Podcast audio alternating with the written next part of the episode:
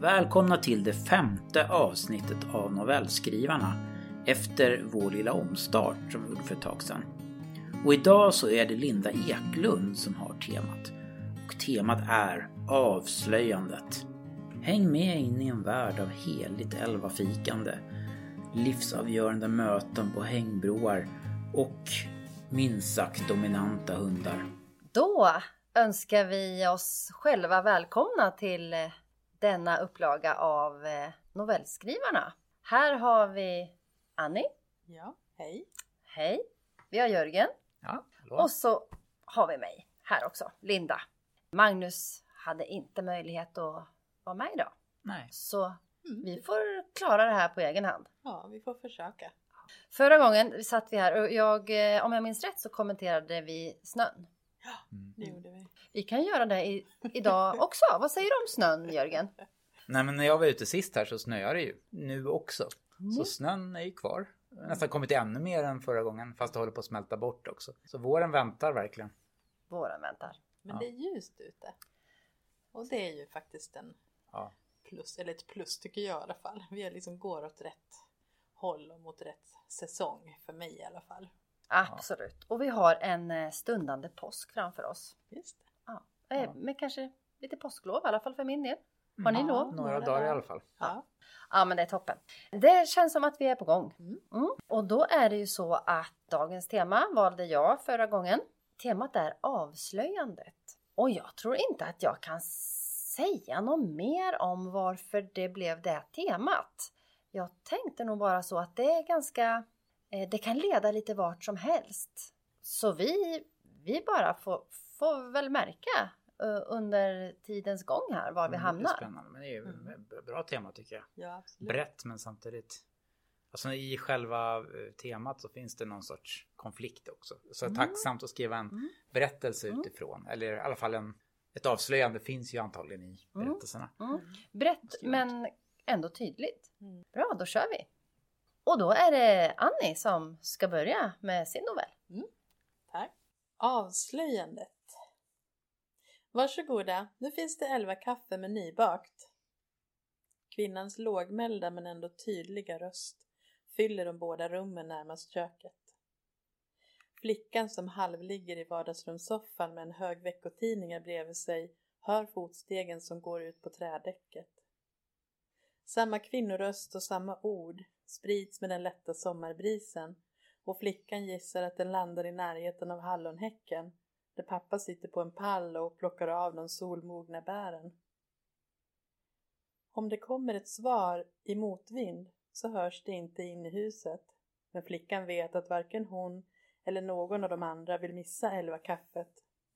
Det hör sommaren till och det är en rutin som efterföljs till den grad att det finns få tillfällen när köket stått tomt och doftlöst vid klockan elva på förmiddagen.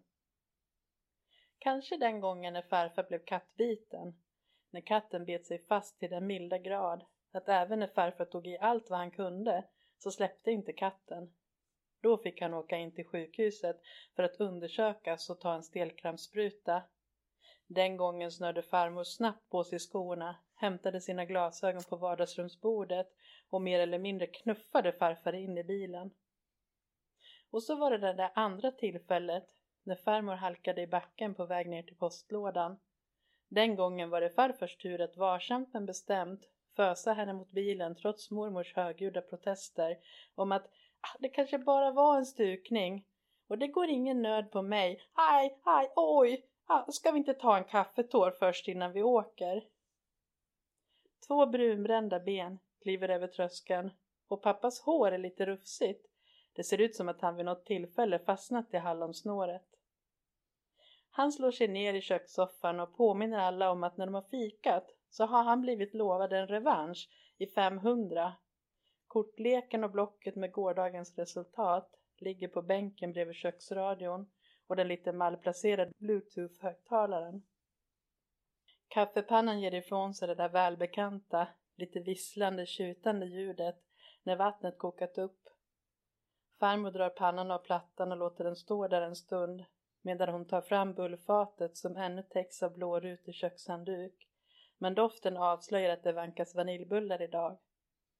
Saftkannan skickas runt och pappa dricker stora glupska klunkar och fyller på glaset ännu en gång innan han lämnar den ifrån sig så att nästa kan hälla upp av den vackra ljusrosa saften. Åh morsan, din rabarbersaft är den absolut bästa. Fattar inte att du får en så här ljuvlig i smaken varenda gång. Det ser ut som att farmor är på väg att säga något, men hejdar sig i sista sekund och förblir tyst. Det ringer på någons telefon. En ganska lång trudelutt som även börjar om några gånger. Ingen runt bordet gör ansatsen att svara. Alla tittar istället listet på bullfatet som blir synligt när handduken avlägsnas. Ta för er nu så häller jag upp kaffet. Lite skrapande ljud från stolarna och lite klirrande med kaffekoppar och fat. Ett litet plums när pappa släpper sina sockerbitar lite för snabbt.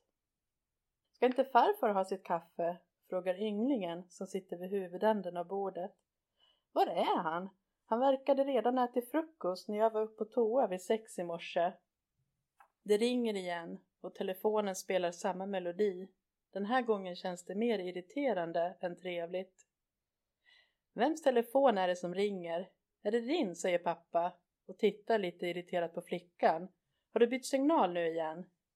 Nej, det är inte min. Tror du att jag skulle låta bli att svara? Åh, det är nog min telefon. Jag måste ha lagt den ifrån mig när jag bakade.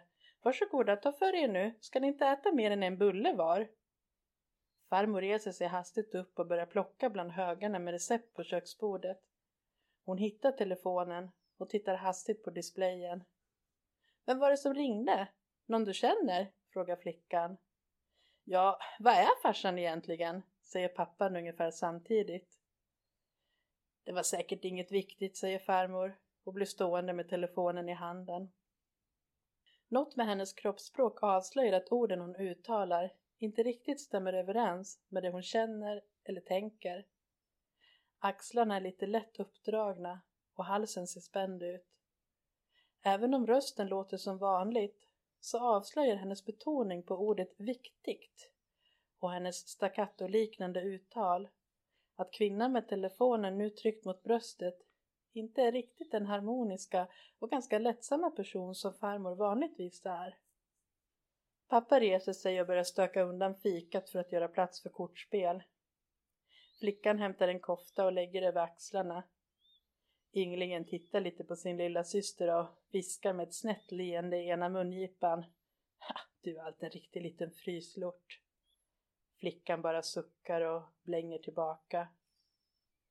Det ringer igen och den äldre kvinnan rycker till eftersom hon fortfarande står med telefonen i handen. Efter att ha tittat på displayen kastar hon den hetsigt ifrån sig. Jag tror att ni får spela på altanen. Jag skulle vilja röja lite här i köket och börja förbereda för lunchen. Visst morsan, det är lugnt. Vi går ut, men är det något som har hänt? Farmor bara viftar med handen och visar att hon vill att de avlägsnar sig ut ur köket. Kortspelet startar och pappan går in med stor entusiasm. Idag tänker han göra sitt yttersta för att vinna. Det går inte för sig att en gång efter annan förlora mot småfolket. Tunga men snabba steg hörs i trappan till altanen. Och det uppenbarar sig snart en hawaiiskjorta som matchas med linnebyxor och sandaler. Hej på er! Henrik, farmor och farfars närmsta granne, vänder sig mot pappa som precis är på väg att lägga ut några kort på bordet. Är Solveig inne? Hon glömde sin flaska med rabarbersaft på affären i morse. Och jag såg förresten far din på tågstationen för en stund sedan. Jag blev så förvånad över att han stod där. Har nog aldrig sett honom åka tåg. Och han måste ju ha missat kaffet sitt. Pappan tittar upp från kortspelandet, sneglar in mot huset där det ringer ännu en gång och även om melodin är densamma låter den liksom förvrängd och mer som ett oljud. Signalerna tystnar och farmor kommer ut och ställer sig på farstukvisten. Det ser ut som att hon överlägger med sig själv. Ingen tydlig riktning i hennes kroppsspråk. Är hon på väg ut? Eller ska hon gå in igen? Med ryggen mot de andra säger hon Det är nog bäst att du går, Henrik. Jag har något som jag behöver berätta för min familj. Va? Oj, vilket cliffhanger-slut. Vad fräckt! Har du inte skrivit något här på de här papperna ändå? Hur det slutar? ja, det var ett öppet slut. Men vad va ändå skönt. För nu får jag ju bestämma det som jag hoppas. Ja. Eller hoppas, men i- istället för att em, farfar är sjuk eller att de ska Mm. skilja sig eller någonting. Han ska ut på en jorden runt-resa. Som han har längtat efter hela livet. Han börjar kliva på tåget där utanför den här lilla byn där de bor. Så ska han flyga till Ja. och åka till Arlanda. Sen dra iväg. Ja. ja, jag vet Ja. inte men jag har tänkt tanken. Ja, nej, jag har lite mörkare hjärna tänkte jag säga. Jaså, vad har Så du jag- för mörk hjärna? Ja, ja, det- ja, jag tror det handlar om en separation. Att han, han har fått nog på något sätt. Mm. Ja, Hur skulle han få nog av det här? Elva kaffe, kökssoffa, ja kortspel. precis. Kanske precis Så det. underbart! Ja. Ja. Men det, han är ju ganska gammal. Så. Nej. Ändå spännande att, att han tar det beslutet. Vad han nu Mm. gör. Mm. Det är något sorts brott i alla fall. Ja, jo men det tänker jag också. Jag har haft jättemånga tankar. Och för mig blev det ändå till slut, för jag började skriva och så blev det nästan problematiskt, liksom det här avslöjandet, vad är det nu då? Och så tänkte jag det här med saften till exempel, så här, ja då ska liksom bara eh, hon ska vara den här bullmamman Ja. men sen visade det sig att hon inte alls är det. För, för den var köpt. Ja den var köpt. Ja. Men sen så tänkte jag väldigt mycket på den här relationen och farmor och farfar som bor i det här huset och vad ska jag liksom göra med dem? Det är väl där jag ville att det skulle hända någonting. Men ja, nej, jag, jag, jag hade jättemånga spår. Och så, Så- Du tänkte först att avslöjandet skulle vara att saften var köpt. först men- tänkte jag det lite ja. snällt att det kanske kan vara det Ja. och då kände jag sen efter ett tag att men kan jag bygga upp liksom Ja. hela texten utifrån det här och så blir liksom saften lite snopet sådär för det är för snällt på något sätt. Men ändå kul. Ja, ändå kul. och så tänkte jag också som Jörgen säger, så, ja men de ska nog separera. Eller de ska sälja huset, det var också en sån där Mm. tanke. Mm. Men sen till slut så landade jag i att jag behöver ju inte tala om vad det är som Nej. händer. Det Nej. kan ju vara precis vad som helst. Kul. Eh, Så det den som Det finns läser. människor som bara försvinner också. Ja, det finns Det har man ju läst verkliga historier om. Mm. Att, att det, allting verkar jättebra, liksom en idyll. Och sen Ja. plötsligt en dag så går han hemifrån och kommer aldrig hem igen. Mm. Och, och har liksom hoppat in i ett helt annat liv. Eller liksom Ja. bara fått nog på något sätt. Ja, Eller hon. ja. Mm. Så Jag det läste en- händer ju. Artikel faktiskt om det ganska nyligen i DN om en flicka som har letat efter sin pappa. Mm. Eh, Och han har gjort så i flera, vid flera Ja, jag tror vi flera- har samma. Ja, Jätte, liksom, fascinerande Mm. fast otroligt tragiskt också samtidigt. ja Mm. verkligen. Ja. Och, och det här som du sa Jörgen, att eh, skilja sig och separera i, i äldre ålder, har inte det också varit lite på nyheten här, kanske var lite längre sedan, någon, någon månad eller Ja, två kanske? Men jag såg att- senast idag en, en löpsedel Ah. om att det finns statistik på att det har blivit mycket vanligare Ja, att, att mm. de över 60 skiljer Mm. sig. Jag tror att det till och Ja. med har fått ett, ett eget begrepp. Mm. Ja, Att det kallas något som jag inte kommer ihåg nu. Mm. Men... Mm. Men jag tänker också att vi vet ju inte, han kanske står där, för jag tänker det kan ju vara ett stort bråk om någonting och så Mm. står han där och liksom nu, nu drar jag. Mm. ja. Men sen så ringer han för att han vill liksom på något sätt reda ut det eller bara är du riktigt säker nu? Ska jag verkligen ge mig av? Ni vet Mm. så. Så att vi, ja, vi vet ju faktiskt inte hur det slutar. Det kan ju vara så att de försonas och han, hon åker och hämtar honom på tågstationen. Han Ja. kanske bara var skitar över att det visade sig att saften var Ja, köpt. så Ja, kan det vara. Ja, så kan det vara. Men det var ju det var ju väldigt eh, bra upp- upplagd berättelse. Eh, Du byggde, byggde det runt det här elva kaffet Mm. och du beskrev det ju väldigt, väldigt detaljerat Mm. eh, i detalj, alltså vad, saker som hände. Alltså, och till exempel att det bara två gånger de hade ställt in eh, Mm, när hade, det. han Ja. hade blivit biten av katten och hon Mm. hade halkat där. Mm. Att det liksom var heligt för den här familjen. Mm. Så liksom att, att han försvinner från det är ändå en stor grej. Mm. Det är någon sorts stark symbol i det ändå. Så jag tror inte det handlar om små saker. Och sen den här äh, farmor, det kanske hon, hon, det känns lite som att det är hon mest av alla som vill hålla det här elva kaffet Mm. som heligt. Mm. Och som också blir mest förorättad över att bubblan spräcks kanske. Ja. Och samtidigt blir det som en trygghet för henne för hon vet nog inte hur hon ska liksom hantera situationen på något Nej. sätt. Så, så att hon måste liksom ändå göra precis som vanligt. Ja. Eh, Och jag, jag kommer ju från, eh, eh, har ju morföräldrar som var bönder. mm. Och, och just elva kaffe och, och alla kaffestunder, Mm. matstunder, all, alla Mm. ritualer Mm. kring det och all rutin Mm. som det är kopplat till. Det är ju väldigt eh, djupt liksom. Mm. Det, det skulle väldigt mycket till för att det ruckades på några av de där tiderna alltså. Absolut. Och just samvaron hade varit ute och jobbat liksom, eller var och en hade jobbat med sitt och så samlades man Mm. den här korta stunden kring och sen ut på sitt. Och sen, Mm. det, det är ju sådana saker som, som jag ibland funderar över. Har, har vi kvar de här mötena, ritualerna? Eller finns det i en annan form Mm. nu idag? Mm. Men hur viktigt det är att ha, ha, en kontinuitet. Dundrar väl också mobiler och skärmar in och Ja. Mm. gör det svårare. Ja, efter ett tag så insåg jag att det var, väldigt, det var nästan lite romantiserad bild och det kanske, jag sa till Jörgen här tidigare att jag åter, å- återkommer ofta till det här med köket. Det är liksom Mm. på något sätt något som jag brukar ha med ofta men, men det var därför jag var tvungen att placera den där bluetooth-högtalaren där i alla fall för att den bryter av lite så man förstår att det här det är trots allt modern tid även om man håller fast med de här ritualerna som, som du pratade om också Linda. Men- precis, jag tänkte på det också att det var liksom det var dåtid på Mm. något sätt med en Mm. visslande kaffepanna. Vem, Mm. vem kan hantera en sån nu för tiden? Ja, men farmor kan. Och farmor kan. Ja. och sen ko- kopplat till bluetooth Mm. och mobilerna. Så det var Mm. liksom då och nu Mm. och då och nu och gammalt och modernt. Mm. Liksom. En härlig, Ja. härlig bland.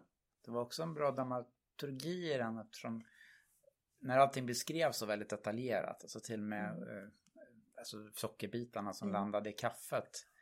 Det, det förebådar ju ofta någonting. Mm. Eller man naglar fast ett ögonblick för att det här efter den här stunden så är allting annorlunda på Mm. något sätt.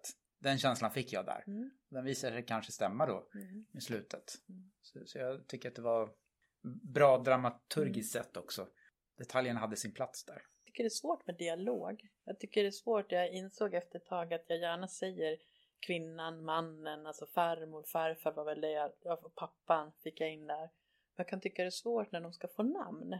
Det har jag jättesvårt för. Mm. Och ju fler namn desto rörigare tycker jag att det blir och desto svårare att få ett, en, en bra rytm eller en bra flöde i det jag skriver. Eh, men Ja. så jag tänker det ska jag försöka vid något tillfälle sen känner jag mig lite mer varm i kläderna kanske. Eh, och faktiskt ge dem mer, liksom, ja men fler namn eller vad ska jag säga, jag kan beskriva dem mer än bara så mm, enkelt som jag gör då. Det är ju, eh, ett, ett namn blir ju, alltså det säger ju mycket mer. Man, Mm. man får ju, eh, som när man lyssnar så Mm. f- gör jag mig en bild Ja. då av den här personen Ja. Mm. kopplat till vad jag tänker kring Ja. det här namnet. Mm. Men jag tycker det är fiffigt att säga flickan och ynglingen Mm. för då, då Mm. kan man vara lite upp, mer öppen. Mm. Ja, Men det är klart du ska testa på, testa på det om du Ja, vill vi får öva. se. ja. Ja, det gäller ju att namnet sitter där, liksom att, Mm. att det, det är ett namn som, som passar med den här personen man Mm. beskriver. För det, det blir viktigt, det Mm. blir väldigt viktigt. Mm. Om man hittar ett namn som inte passar särskilt bra, då är det bättre att ha han och hon och flickan Mm. pojken, tycker jag i alla fall. Mm. Om det inte kommer av sig själv liksom. Mm. Ja, men tack för Ja, att ni ville jätte, lyssna. absolut. Ja, det är jätte, Jätte- jättebra text tycker jag. Ja. Superkul. Och då är det kanske jag. Ja, då är det Jörgen. Ja, Absolut. Ja, eh, min eh, berättelse heter Boss. Och i det här fallet så är det ett namn. När ska mamma komma? Jo, nu hör jag hennes steg i trappen. Det ska vara mamma. Det är liksom inte samma sak med pappa. Det är som att han inte riktigt vet hur man gör.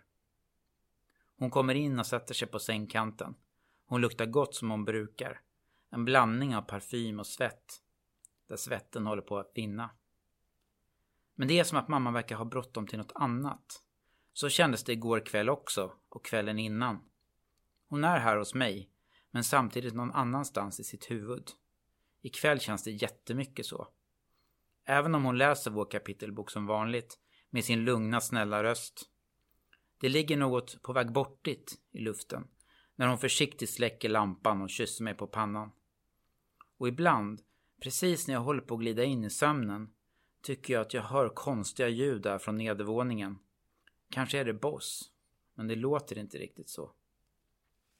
I somras, innan jag skulle börja tvåan, så hämtade vi Boss på en kennel ute på landet. Samma ställe som mormor och morfar hade skaffat sina hundar. Både den de hade när mamma var barn och den svarta pudeln Jack som de har nu. Jag hoppade upp och ner och klappade händerna när jag hörde att vi skulle skaffa hund. Mamma hade pratat om det länge, men pappa hade hållit emot. Man blir så bunden, sa hon. Då sa mamma att särskilt han skulle behöva komma ut och röra på sig mer. Han som somnar framför tvn varje kväll. Sen var tjafset igång. Hon ville ju så gärna att jag skulle växa upp med djur som hon hade gjort. Pappa gav så småningom med sig, som han brukade. Den var konstig den där kennen. En gård full med bråte och skräp som låg inne i skogen, långt från alla andra hus. Två mycket gamla människor, där tanten inte sa ett ord men gubben pratade på. Han luktade mögelost. Jag tyckte tanten stirrade på mig hela tiden med sina gula ögon som liksom saknade den där svarta pricken i mitten. Ändå såg hon rakt in i mig.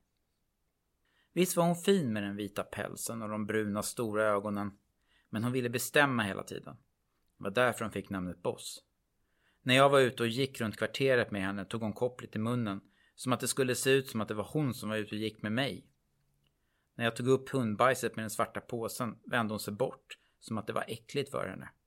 Jag ville skrika, men det är ju du som har bajsat dumma hund. På morgonen när jag kom ner för trapporna kom hon tassande, bara för att fnysa till lite, när hon såg att det bara var jag och gå tillbaka till där mamma eller pappa var. Boss var inte ett dugg gosig, hoppade nästan aldrig upp till oss i soffan. Särskilt inte till mig, utan låg under bordet och liksom surade. Det var som att mamma och pappa blev nervösa när Boss var nära, eller var rädda för henne. De höjde aldrig rösten eller gav henne något straff. Inte ens när hon hade knuffat ner min födelsedagstårta från bordet och glufsat i sig halva. Precis innan kompisarna skulle komma. Sen spydde hon förstås, över dörrmattan, så att det luktade kräk i hela huset. Jag försökte prata med dem om att lämna tillbaka henne till kenneln igen.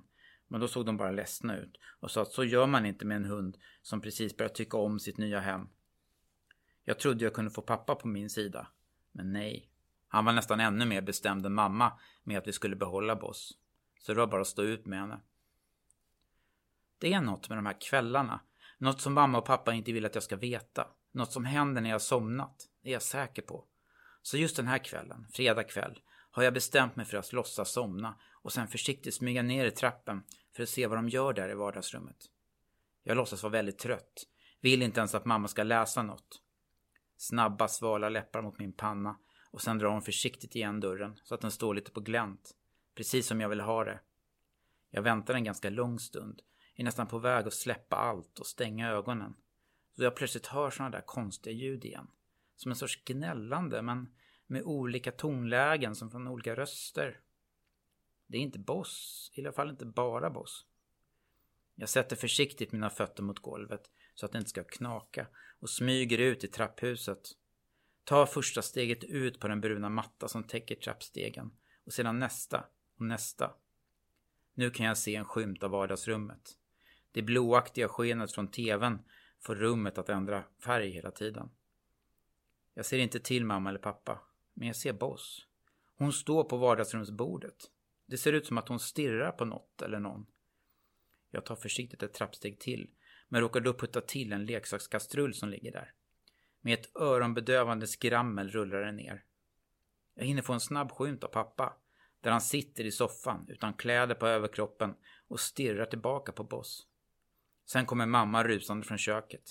Men gubben, sover inte du? Hon tar mig i handen och vi går upp för trapporna, tillbaka till sovrummet. Det tar lång tid när jag somnar den kvällen, men jag vågar inte gå ner igen. Det går en vecka och jag kan inte glömma det jag såg. I skolan tänker jag nästan inte på annat.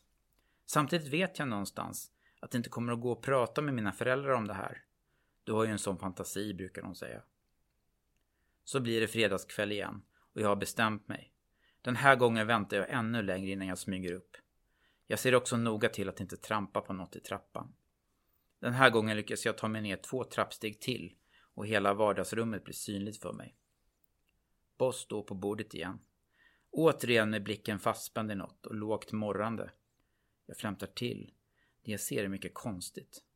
Pappa står på alla fyra i soffan, utan kläder. Med det håriga bröstet och snoppen som dinglar. Han gnyr eller något. Försöker kanske låta som en hund.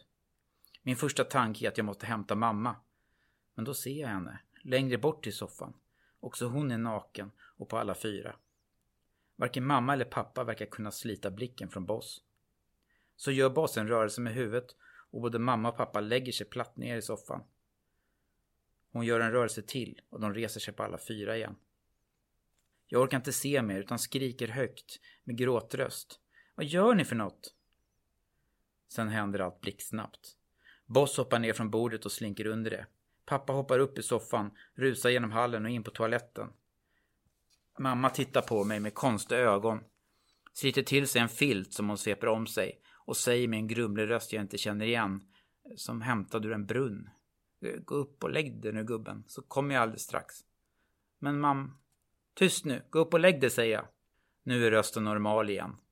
Men den är inte alls snäll. Den är arg och elak. Som om det är jag som har gjort något fel. Med tårar i ögonen springer jag upp för trappan, in i mitt rum och smäller igen dörren hårt bakom mig. Sen är det tyst, alldeles för tyst. Jag väntar på att mamma ska komma och förklara allt. Att de bara lekte, skojade, eller jag vet inte, något. Fast ögonlocken är blytunga så försöker jag hålla dem öppna. Det finns en förklaring och mamma ska förklara. Till slut somnar jag ändå, utan att mamma har kommit. Nästa morgon vaknar jag med en stor klump i bröstet. Det känns som att allt är trasigt. Jag känner mig som ett glas som slagits sönder och ligger i spillror på golvet. Jag försöker tänka att det som hände igår kväll bara var en mardröm. Men vet ju någonstans där inne att det inte var det. Jag känner mig på något sätt rädd för att träffa mamma och pappa igen. Jag går med överdrivet tunga steg i trappan så att de ska veta att jag kommer, så att det inte ska vara något annat konstigt. Mamma, pappa. Men allt är tyst. Ingen boss som kommer tassande. Ingen kaffelukt. Ingen som skramlar i köket. Vad är det som händer? Är jag ensam i huset? Då knackar det lätt på ytterdörren och sen hör jag nyckeln vridas om i låset och mormor stiger in i tamburen. Hon ser mig stå nedanför trappan. Men hej lilla vännen, vet du vad? Din mamma och pappa var tvungna att åka iväg på något viktigt. De vill inte väcka dig. Du ska få vara hos mig och morfar ett tag. Men gå bara upp och klä på dig lilla vän, så åker vi nu direkt. Jag delar baksätet med mormor och morfars svarta pudeljack. Jag vill inte titta på honom. Han kanske också har blivit konstig som boss. Varför har mormor tagit med honom? Vi har aldrig gillat varandra. Mormor backar ut med bilen. Jag sneglar lite åt Jacks håll. Då tittar han mig rakt i ögonen och det är som att jag sugs in i den där blicken. Vad ruggigt. Ja, det var en precis ruggig historia. Det är något sjukt med den där Kennen. Ja, För visst kom hundarna från samma? Mm. Ja, Ja, nej, men det är ju någon jättehamnskiftar-kennel. ja Typ. de där ögonen som hon hade, den där kvinnan. Som inte hade pupill. Och så hamskiftar. Hamskiftare. Man kan byta skepnad. Jaha! Ja, Åh, ja. så de är så här... ehm, men jag vet inte. De eh, i kenneln där så... De kanske känner massa konstiga människor och så förvandlar de dem till tokiga hundar och säljer så att hundarna sen i sin tur ska om, så här, eh, förvandla människorna de bor hos. Till hundar istället. Ja. Ja, för den är ju väldigt förmänskligad liksom redan från början den här hunden på något sätt. Med alla små Mm. detaljer Mm. eller de- beskrivningarna. Mm. Så ja. Det, var, det var bra. Den hette Boss, eller heter Boss. Mm. Men det dröjde ett tag innan man fick veta vem Boss var. Mm. Mm. Så det var, det Mm. var bra tyckte jag. Att man liksom funderade lite. Och... Jag, jag fattade inte att det var en hund.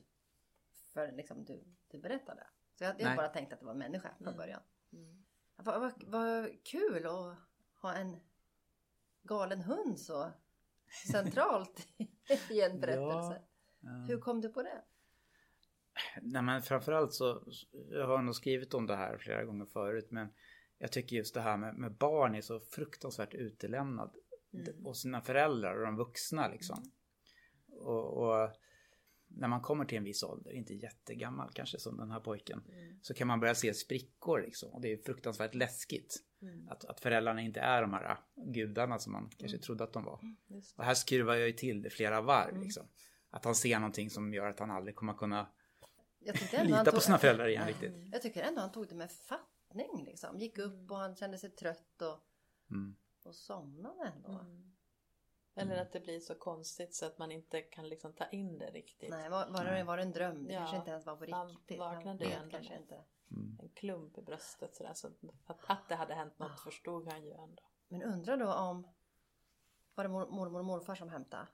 Det var mormor, Mormor. med hunden Jack i Ja, baksätet. undrar om mormor också då är påverkad av, av Jack? Så Mm. mormor inte är någon trygghet för honom? Usch vad jobbigt. Ja, fast den känslan fick jag inte riktigt. Men det vet vi ju inte i och för sig. Men, men eh, nej, och det blir ju direkt så här, ja men vad vill den här hunden då? Vad vill Boss? så kan jag börja tänka. Om jag bara liksom struntar i att det är jättekonstigt alltihopa. Utan, ja, vad är syftet då? Ja. Mm. För först trodde jag att du skulle avslöja att det var en varg. Mm. Att det inte var en hund utan det var en varg. Ja. Okej. Eh, Ja. Av någon anledning fick jag det bara liksom. Mm. Så, men sen blev det något helt annat. Och jag var- är ju inne på det här varulvstemat Ja, då. det. Också där ham, Ja. varianten. ja, ja. Att, att de kanske är hundar på natten då. Mm. Ja, Det känns som en liten nyckelscen där på Kennen. Eh, alltså den här konstiga eh, gamla människorna. Utan att jag riktigt själv har Mm. eh, kommit fram till vilka de är och så. Men det var ju spännande. Mm. Det kanske är åt det hållet. Ja. Men jag tycker om Mm. den här genren. Jag själv kan tycka det är väldigt fascinerande. Jag skulle vilja försöka skriva någonting som blir så surrealistiskt liksom, Mm. på något sätt. Så. Mm. Jättebra, alltså den är ju fascinerande. Jättebra och Mm. Ja, bra. roligt. Tycker du liksom lyfter karaktären, hunden väldigt bra. Det kändes som att man Ja. förstod direkt, det är bossen. Det är liksom. Ja. Ja, ja, och de här olika exemplen med Ja. att, att vara ute och gå och ha kopplet i munnen Ja. och äta upp den där tårtan och sen Ja. kräkas. Det är så, och typiska. Jag ville ändå att han skulle Hund. vara Hund. mycket hund också. Ja. Men samtidigt någonting annat eh, obehagligt. Mm. Men samtidigt så tänker jag just de detaljerna gör också att det sätter lite så stämningen med det här äckliga, lite så motbjudande, Mm. ja men lite Mm. äckliga, Mm. lite på gränsen Mm. så. Mm. Så att eh, det, det liksom, det kändes ändå inte eh, konstigt att de sen då stod där i soffan som hundar själva. Så det kändes som att du hade ändå bäddat för det och du hade byggt upp det så att det blev inte ehm, det blev konstigt men det blev ändå som att jaha, mm, okej då förstår Ja, jag varför de här ledtrådarna fanns tidigare i texten. Ja, det var bra. Ja men tack. Det var kul. Ja, Ja, jättebra synpunkter. Eller, eller bra respons där. Är du, är du själv hund eller kattmänniska? Jag är hundmänniska definitivt. Mm. Vi, har ju, vi hade ju en hund. eh, Eller den bor hos Sannas föräldrar nu. Mm. Men eh, den var inte alls så här. Nej. Den var ju fruktansvärt trevlig hund faktiskt Ja. tycker jag på alla sätt och Ja, vis. okej. Men ändå att, att man... Nej, jag är definitivt mer hundmänniska. Jag är kattmänniska och jag kommer Ja. inte bli mer hundmänniska Nej, nu. nej, det förstår jag. Ja, spännande. Jag är nog mer hundmänniska. Men eh, Ja. mm, jag ska passa mig för kennel som jag, Ja, jo, jag någon där. gång skaffar hund. Den ska man undvika just den Kolla in dem noga. Okej, men då är det Lindas tur att läsa då. Ja, eh, och jag återkommer lite till eh, en favorit här, nämligen eh, ån. Mm. Det är något jag gillar. Och vi pratade om namn förut. Ett av de här namnen som kommer dyka upp, det är liksom bara helt självklart. Det andra är lite mer framkrystat. Mm. Så vi får se om ni Okej. känner av det där på något vis. All kraft rann ur henne. All kraft som hon samlat inombords. I varje liten kvadratmillimeter av sin kropp hade hon länge, länge samlat styrkan och sakta, sakta hade den fyllt henne och till slut så stod hon nu här. Med sitt eländiga, sketna liv nerpräntat i en dagbok i datorn. Varje hån, varje slag, varje rispa, varje födelsedag som hade glömts bort, varje bortförklaring, varje jävla skit som var hennes liv. Allt hade dämts upp till denna stund då hennes händer skulle sträcka fram datorn med all dess äckliga innehåll till skolsyster. Och för första gången skulle hon glänta på dörren och släppa in någon annan i det kolsvarta hus som var hennes liv. Du kan väl komma tillbaks nästa vecka? Då vet jag nog om sjuksyster blir sjukskriven till sommarlovet eller om hon kommer tillbaks innan skolavslutningen. Rektorn log och förmodligen uppmuntrande mot Jolin. Rektorn fattade handtaget till sitt rum med ena handen samtidigt som hon bar sin dator fastklämd mellan armbågen och kroppen med en kaffekopp i handen. Hon skulle just kliva över tröskeln när hon hejdade sig. Nej, nej vet du vad, här ska vi se. Jag tror att hon släppte handtaget och lyckades knäppa upp axelväskan med den fria handen och började rafsa runt i dess djup. Va, vad sa du? Vad var det du sa, sa du? Ont i huvudet? Mensvärk? Huvudet, mumlar Jolin och rektorn fiskade upp en Alvedon. Här, här ser du, ta två vet jag. Hon sträckte fram de aluminiumklädda pillren till Jolin. Och vet du, sen tar du och går ut i friska luften så jag är, är jag säker på att det snart känns bättre. Rektorn försvann bakom dörren som hon sköt igen med foten. Strax därpå hördes ett ljud som av ett ras då en dator placerats för långt ut på en skrivbordskant och ramlar i golvet. Trots att Jolin inte hade någon kraft kvar lyckades hon ta sig ut på skolgården där hon slängde pillren i närmsta vresros. Hon gick över asfalten med datorn i ett krampaktigt tag i famnen. Hon gick över tallbacken bakom skolan, ökade farten över cykelvägen förbi vattentornet, småsprang ner bland villorna och när hon nådde gångvägen som blev en skogsstig så sprang hon som en galning. Stigen slingrade sig så vackert. Träden var vårligt ljusgröna, marken var strödd med vitsipper och ån glänste längs stigen. Men det var inget Jolin märkte. Hon bara sprang. Hon ville springa tills hjärtat kollapsade, tills hjärnan exploderade, tills hennes jävla förbannade liv tog slut. Hon sprang ut över hängbron, som genast började svaja i otakt. Mitt på slängde hon sig ner och lät hjärtat löpa amok. Datorn damp ner bredvid henne, bara några centimeter från brokanten. Det blixtrade i ögonen, lungorna slet för att fylla på med nytt syre. Hon slog nävarna i vajrarna som bar upp stålkonstruktionen. Stötarna fick bron att rista och kränga som en dagmask som kränger efter fukt på dammhet asfalt. Datorn gled närmare kanten. Närmare det strömmande vattnet under hennes fötter. Hon slog igen. Vajen var hård och vass och datorn närmade sig åns gap ytterligare. Ena hörnet hängde fritt. Ett slag till och hennes liv närmade sig vattnet ännu ett steg. Axelremmen gled ner över kanten och famlade hjälplöst i luften. Det där är osmart. Rösten från brofästet var hög och irriterad. Jolin såg först ingen, men så gled någon fram ur hasslarnas ljusgröna skuggor. Jolin kisade, nu med lugnare andhämtning och med en hand som blödde av slagen mot vajern. Osmart att dumpa datorn i ån. Sälj den istället om du inte ska ha den kvar. Nu såg Jolin att det där var den där tjejen i klass 7H.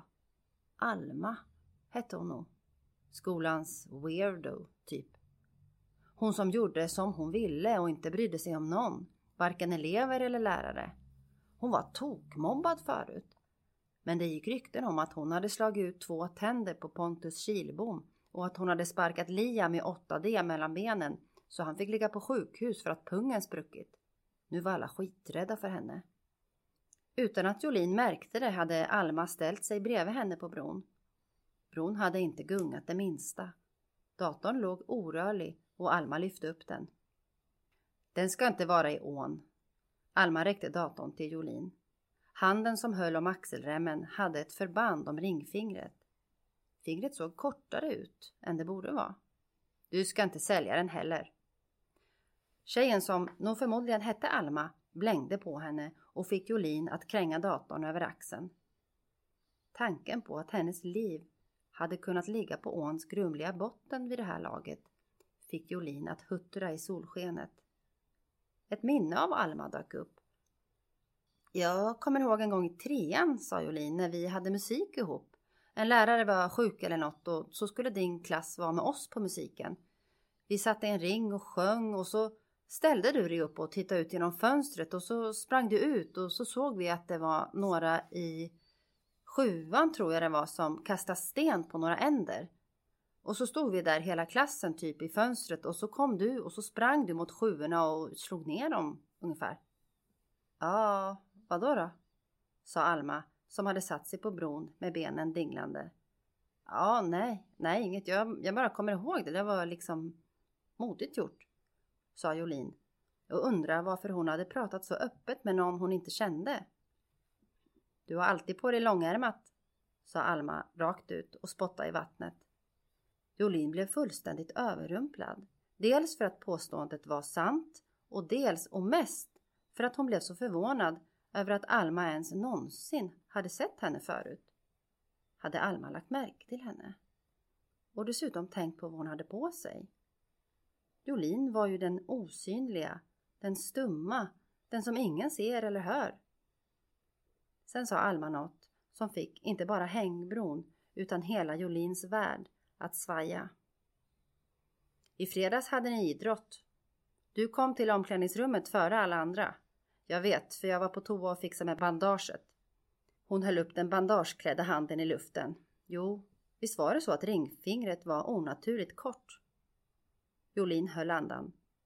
Världen svängde och krängde. Ett illamående växte i maggropen.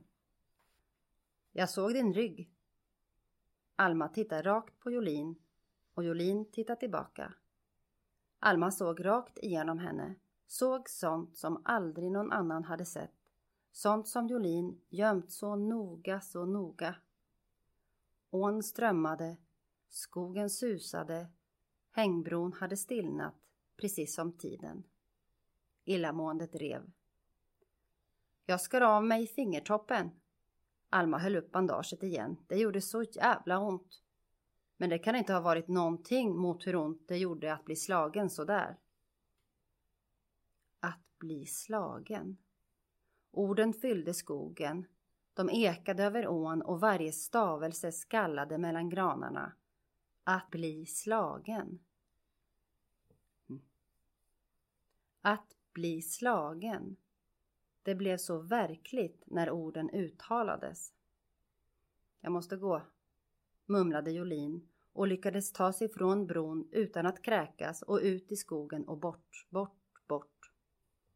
Var rädd om datorn! Ropade Alma efter henne. Jättestark scen där på slutet tycker jag. När de möts de här två, två flickorna ändå till slut. Mm.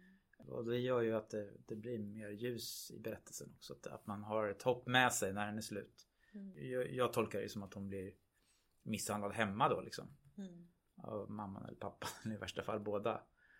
Och, hon ska ju mm. berätta det här för skolsyster som, som inte är där. Liksom, fast hon har laddat för det. Mm. Och så blir det det här oväntade. Det här oväntade mötet och den här flickan som istället har sett saker. Mm. Och, och Mm, hon behöver inte ens berätta det.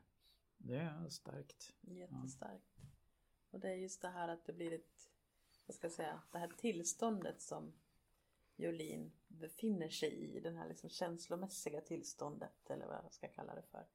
Eh, jag tycker det blir så tydligt hela berättelsen igenom men som du säger Jörgen så, så kommer det liksom in en, en person till sådär oväntat som, som sprider ett ljus över mm. över liksom hennes ja, inre på något sätt eller det här själsliga som hon hela tiden tampas med.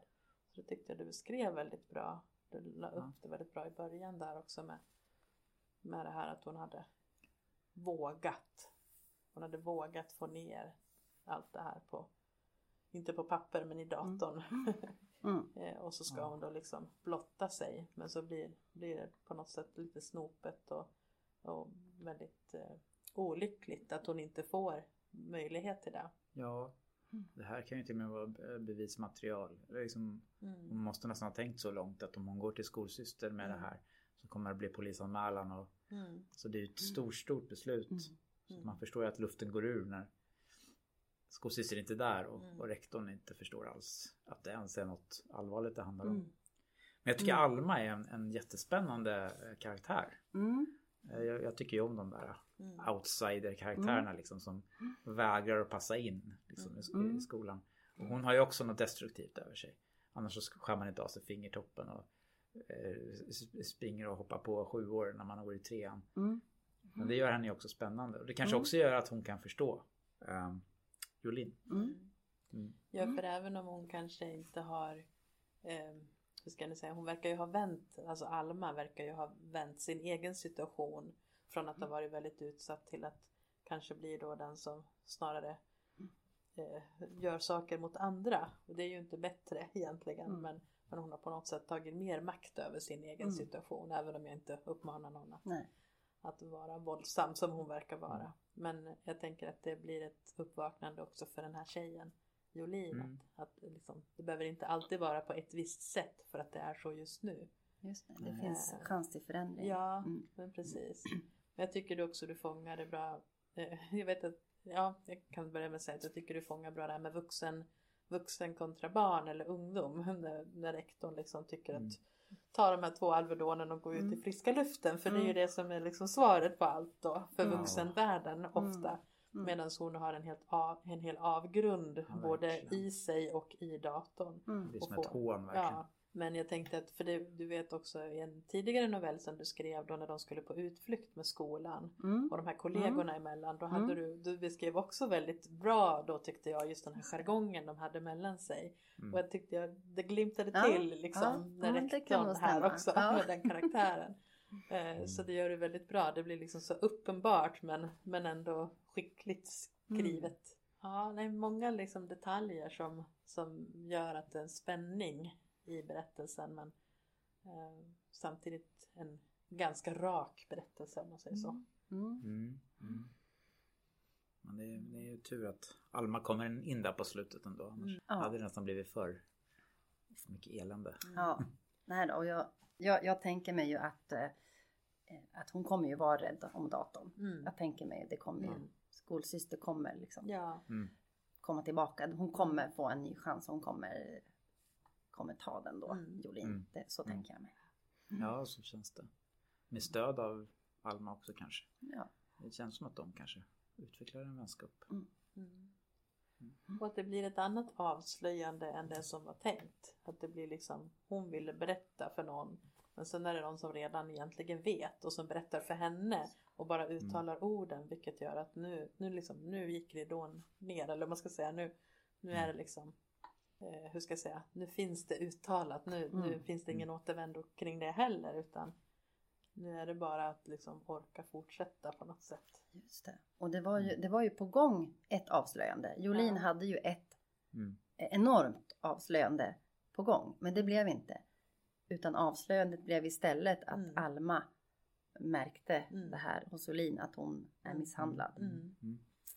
Ja, Så det var lite dubbla också- avslöjanden. Ja, men det var också Mm. liksom Man får egentligen inte veta någonting om vad som egentligen händer hemma. Eller ju som man av hennes eh, sår och sådär förstår man ju det. Men det är nog bra Mm. tror jag. Det, det Mm. behöver du inte ha med här. Nej. Det är typ inte det viktiga i den här berättelsen. De finns ändå där. Mm. Om det andra i bakgrunden. Mm. Mm. Och sen när man då bor i Nyköping så tyckte jag att det var väldigt roligt att troligtvis känna igen den här stigen Mm. som hon Ja. går från Mm. någonstans nerifrån, inte fåfängan, Mm. hon Mm. kliver på den kanske senare eller vad jag ska säga, men upp mot mot Ja, just det. eh, Oxbacke Jajamän, Ja, häng, där. Jag gillar ju hängbroar, åar. Ja. Mm. Ja men det var en väldigt bra scen, sceneri där. Miljöbeskrivningen av hängbron. Mm. Eller en, en bra plats för Ja, den scenen. ja. Ja, en verkligen. hängbro är ju, den har mycket att ge. Den kan vara så här skön att gå på och gunga, den kan vara i otakt. Den har de här väldigt stickiga vajrarna Ja, som man inte det. ens vill känna på med händerna Nej. för de är stickiga på något Ja. metallstickor Mm. på de där. Och sen under så kan ån vara alldeles lugn och skön och så kan den vara vild och farlig och man vet inte vad som finns där. Nej, Bra, bra ställe Mm. för stories. det var länge sedan jag var där. Jag blev sugen på gå dit igen. Ja, nej men det är ju roligt när man på något sätt kan förstå miljön eller man, Ja. man ser den framför sig för att man vet att det är en verklig miljö som finns Mm. som man skulle kunna besöka. Det, det gillar Ja. jag mycket. Mm. Ja, fint. Och nästa gång så är det ju du Annie som, som har temat. Och jag eh, tänkte att vi skulle ge oss på de sju dödssynderna. Men jag har tänkt mycket på dem och eh, ja, begrundat detta och jag tror att vi ska välja en, eller jag har bestämt mig för en och då blir temat avund. Spännande. Kul. Att Lotta, eh, som var med i den här skrivargruppen förut, Ja, gick igenom alla sju dödssynderna. Men det gör ju ingenting. Alltså det, det kan man verkligen göra hur många gånger som helst. Ja, spännande. Mm. Men kanske, ja, då kan jag gå tillbaka och titta lite också. Ja, Ja. och jag, när jag letade runt lite grann så såg jag faktiskt att det fanns en lista också över motsatserna, liksom de mer positiva Mm. motsatsen till. Men Ja. gick liksom igång lite på det också. Men sen landade jag i att nej, det blir ett, ett ord eller ett tema och Ah. det är avund. Det är ett bra Ja, tema. kul. Mm. Det kan man göra mycket av. Ja, Absolut. Mm, det man tänka. Ja men eh, härligt! Vilken, eh, vilken bredd och variation! mm. Mm. Galna hundar och mysiga kökssoffor och svajande hängbroar. ja. Här, härlig blandning, jättekul att höra. Mm. Tack för det. Tack. Ja, tack själv. Detsamma. Så nu går vi vidare Mm. och tar oss an eh, avund här då. Mm. Det blir jätteintressant. Mm. Eh, med det så är vi nöjda för ikväll och känner oss glada och tillfreds. Jajamän. Ut i snöstormen igen. Ja. Ja, Mm. Kul det ska bli. härligt. Mm. Tack för ikväll. tack. Hej! Hej då. Ni har precis lyssnat på avsnitt 2.5 av Novellskrivarna. Och i det här avsnittet hörde ni Linda Eklund, Anja Geli och Jörgen Leidebrant. Nästa tema är det Annie som har hand om och det kommer att bli avund. Lyssna gärna då och sprid gärna att den här podden finns till så många som möjligt. Ha det bra, hej då!